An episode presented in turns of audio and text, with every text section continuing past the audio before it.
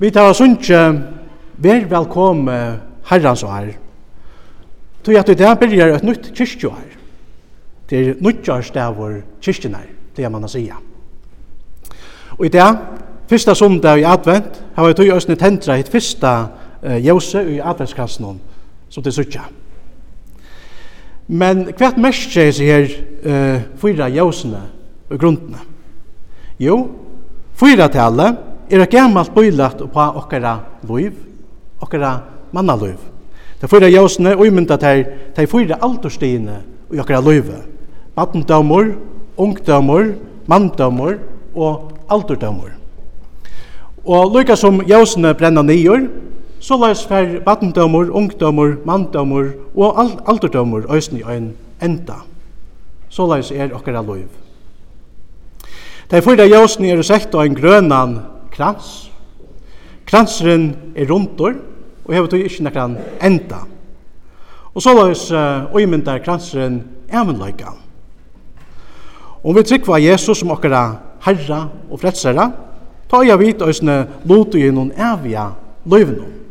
Så dette her minner kranseren nokon òsne ja.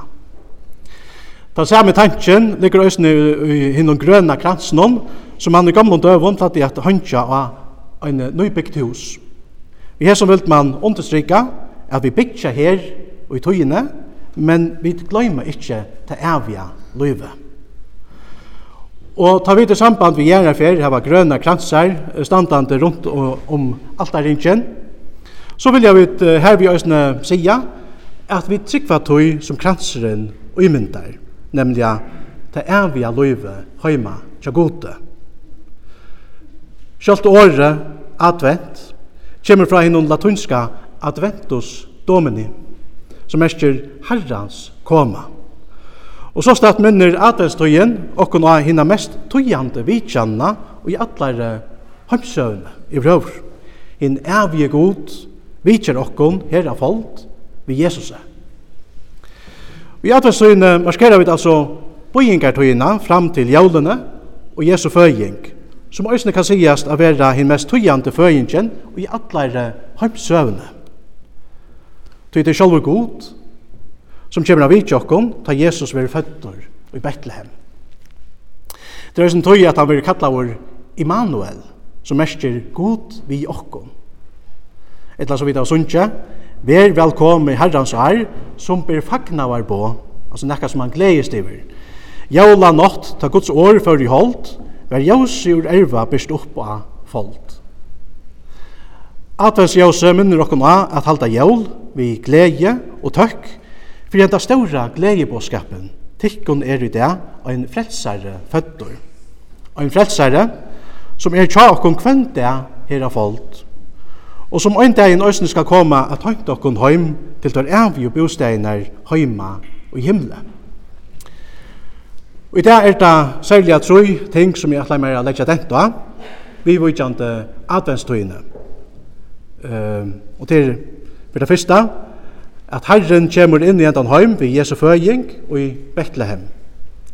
For det neste, Herren kommer inn i okkar gjørstå ved trunne av Jesus. Og for det tredje, Herren kommer atter og i dord av efste døvun ved at hanta søgnebøten heim til søgn, heim til himmels. Arjen Jesus var føddur i Betlehem, sundi ønskjel herranse for Josef. Hetta har det ofta hørst om. Ønskjelen sier vi Josef, at Maria skulle få en son, og at han skulle gjøre henne navnet, vet jeg det? Jesus. Han skulle få navnet Jesus. Og så sier han, ønskjelen, at han skal frelsa folksukt fra sinton torra. Navnet Jesus hever også en uh, tøytning, etter Jeshua. Og det merker god frelser.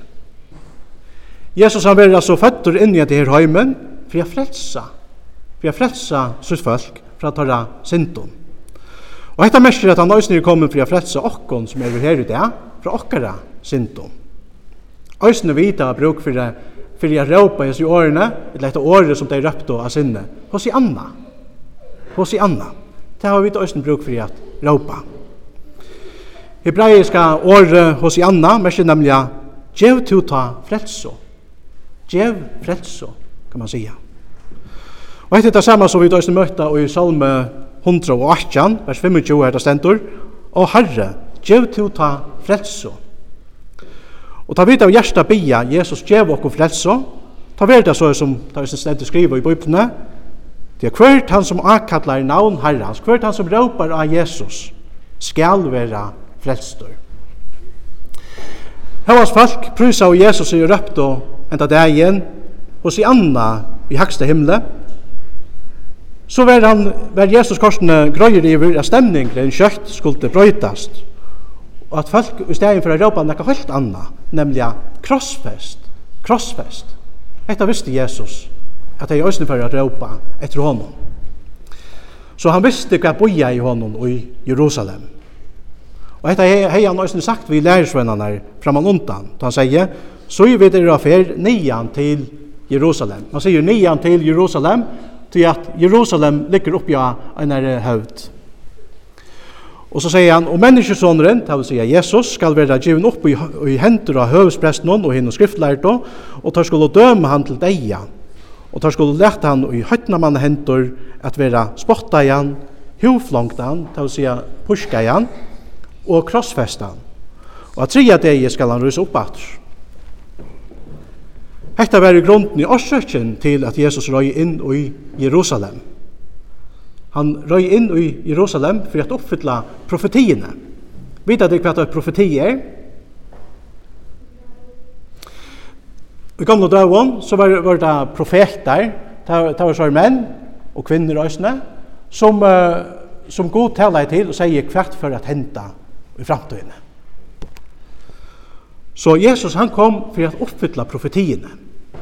I gamla testamentet hei ein profetor som er Zakaria, nemlig sagt, eller profetera, så i konger tøyn til tøyn kjemur, rattviser er han, og sier sjælur, lydlattor og asna, eller esle, han røyer, av onkon østen og fåla. Og ta han kommer røyande av en esle, så understryker Jesus for jødenom at han ikke kommer som en sterskur maver, altså som en sterskur politiskur løyere, men som en speklintor og tænande konger. Hetta dette understryker Jesus øsne for sjolvor, da han sier vi lærersvennerne, at han ikkje er kommet av å være tænavår, det sier han, at han ikke kom for å være tænavur, men for å tæna og djeva løsus som løser alt for i mong. Det er grunden til at Jesus kom. Herren kommer inn i hendan høymen og røyer inn i Jerusalem, til at han så å sige vil røya vågjere inn i okkara ekno gjørstå. Han vil ha samband vi te og med. Han vil byggva i okkara gjørstån, tog at okkara gjørstå var i grunnene skapt til å høyra honom til. Og her vil være profetiet til Zakaria, og er høyt personligt. Så i konger tøyn til tøyn kjemur. Han kjemur til tøyn. Han er kommet inn i hendan heimen, inn i Jerusalem, og inn, østene kan man sige, inn i øyes kyrkjo, til at han vil byggva i okkara gjørstun. Men så kan man spørre, hvordan kommer han så inn i okkara gjørstun? Jesus han gjør okkur sjálfur svære i tekstnum, så vi tøysene for at høyra i samband vi døpen i det. Her Jesus sier, Færre tog og gjør i öll felkasløyene til læresveinar munar, vi tar til døypa teg, til hans færesins og sonarins og heila i andans, og vi tar til læra deg at halda alt det og jeg og bøydikon. Døperen og læran er og milaner som god brukar, tan gjør okkur menneskje til søyne bøtten. Og hetta ikkje hever han vi okkon öllum. Tog sier han òsne vi okkon öll, komme til moin, komme hier til moin, öll tid som arbeida, og ganga under tungum byrum, og jeg vil vøyta tikkon kvilo. Han kallar okkum og sier, komi hier til moin, til at han elskar okkon, og vil sjálfur flyta inn i okkara gjørstu, og gjev okkon sina egnu kvilo og sin egna fri. Og etter en frigjør, så bare han kan gjev okkon. Ta Jesus sier kom, vi te og med, og vi høyra og færa til hans herra, som til dømes i samband vi døpen, ta vera årene tja Zakaria profet i øsne til veriløyka fyrir okkon, så i konkurtøyn til tøyn kjemur. Som nevnt, minner advest jævs i okkon at halda jæv vi glede og tøkk fyrir den ståra gledebåskapen, tikkun er i det en frelsare føtter. Men omframt båskapen om Herrans kom og jævla nått, da Jesus var føtter i Betlehem, så inneheldur et her året i advent, òsne en æra sujo, nemlig av vevna om Herrans kom og, eller aktor kom og, og efstå døvun. Lykka som god, vitja jokkun da Jesus var føtter i Betlehem, så kommer han inn opprystende og livande Jesus, òsne at vitja okkun aktor en dagen. Så det er nok så spennande. Og ta vera Jesu trøstar år til verleika òsne fyrir okkon. Jesus han sier nemlig Einar Sannes, og i fægir huset er mennesker bostægir. Vær det ikke så, hei sagt ekkon til.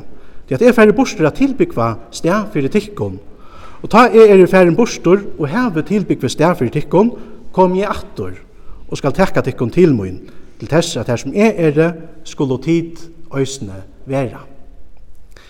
Jesus var føttur, levde, døye, røys opp fra deion og før til himmels, så at vi en deion kunne komme heim til det stegi som han er tilbyggve for okkon heima og himle. Så start lever vi i einare avhaldande adventstøy. Vi tar hatt halda Jesu komo inn i hentan heimen og inn i okkara gjørsto, og samståndes lever vi i døysne og i vannene om at Jesus øyndagen kommer atter og i dyrt, Vi har høynta okkon heim til et himmelska stegi som han hefur tilbyggve til tøyn og møyn. Så vi tava, kan man sija, uendalega gaua orsøk til a synkja så så vi tava synkja. Velkomme, vær velkomme, herrans og her som blir fagna var på. Jævla nått, ta Guds år før i holdt, vær jævsi ur erva byrst opp, era folt.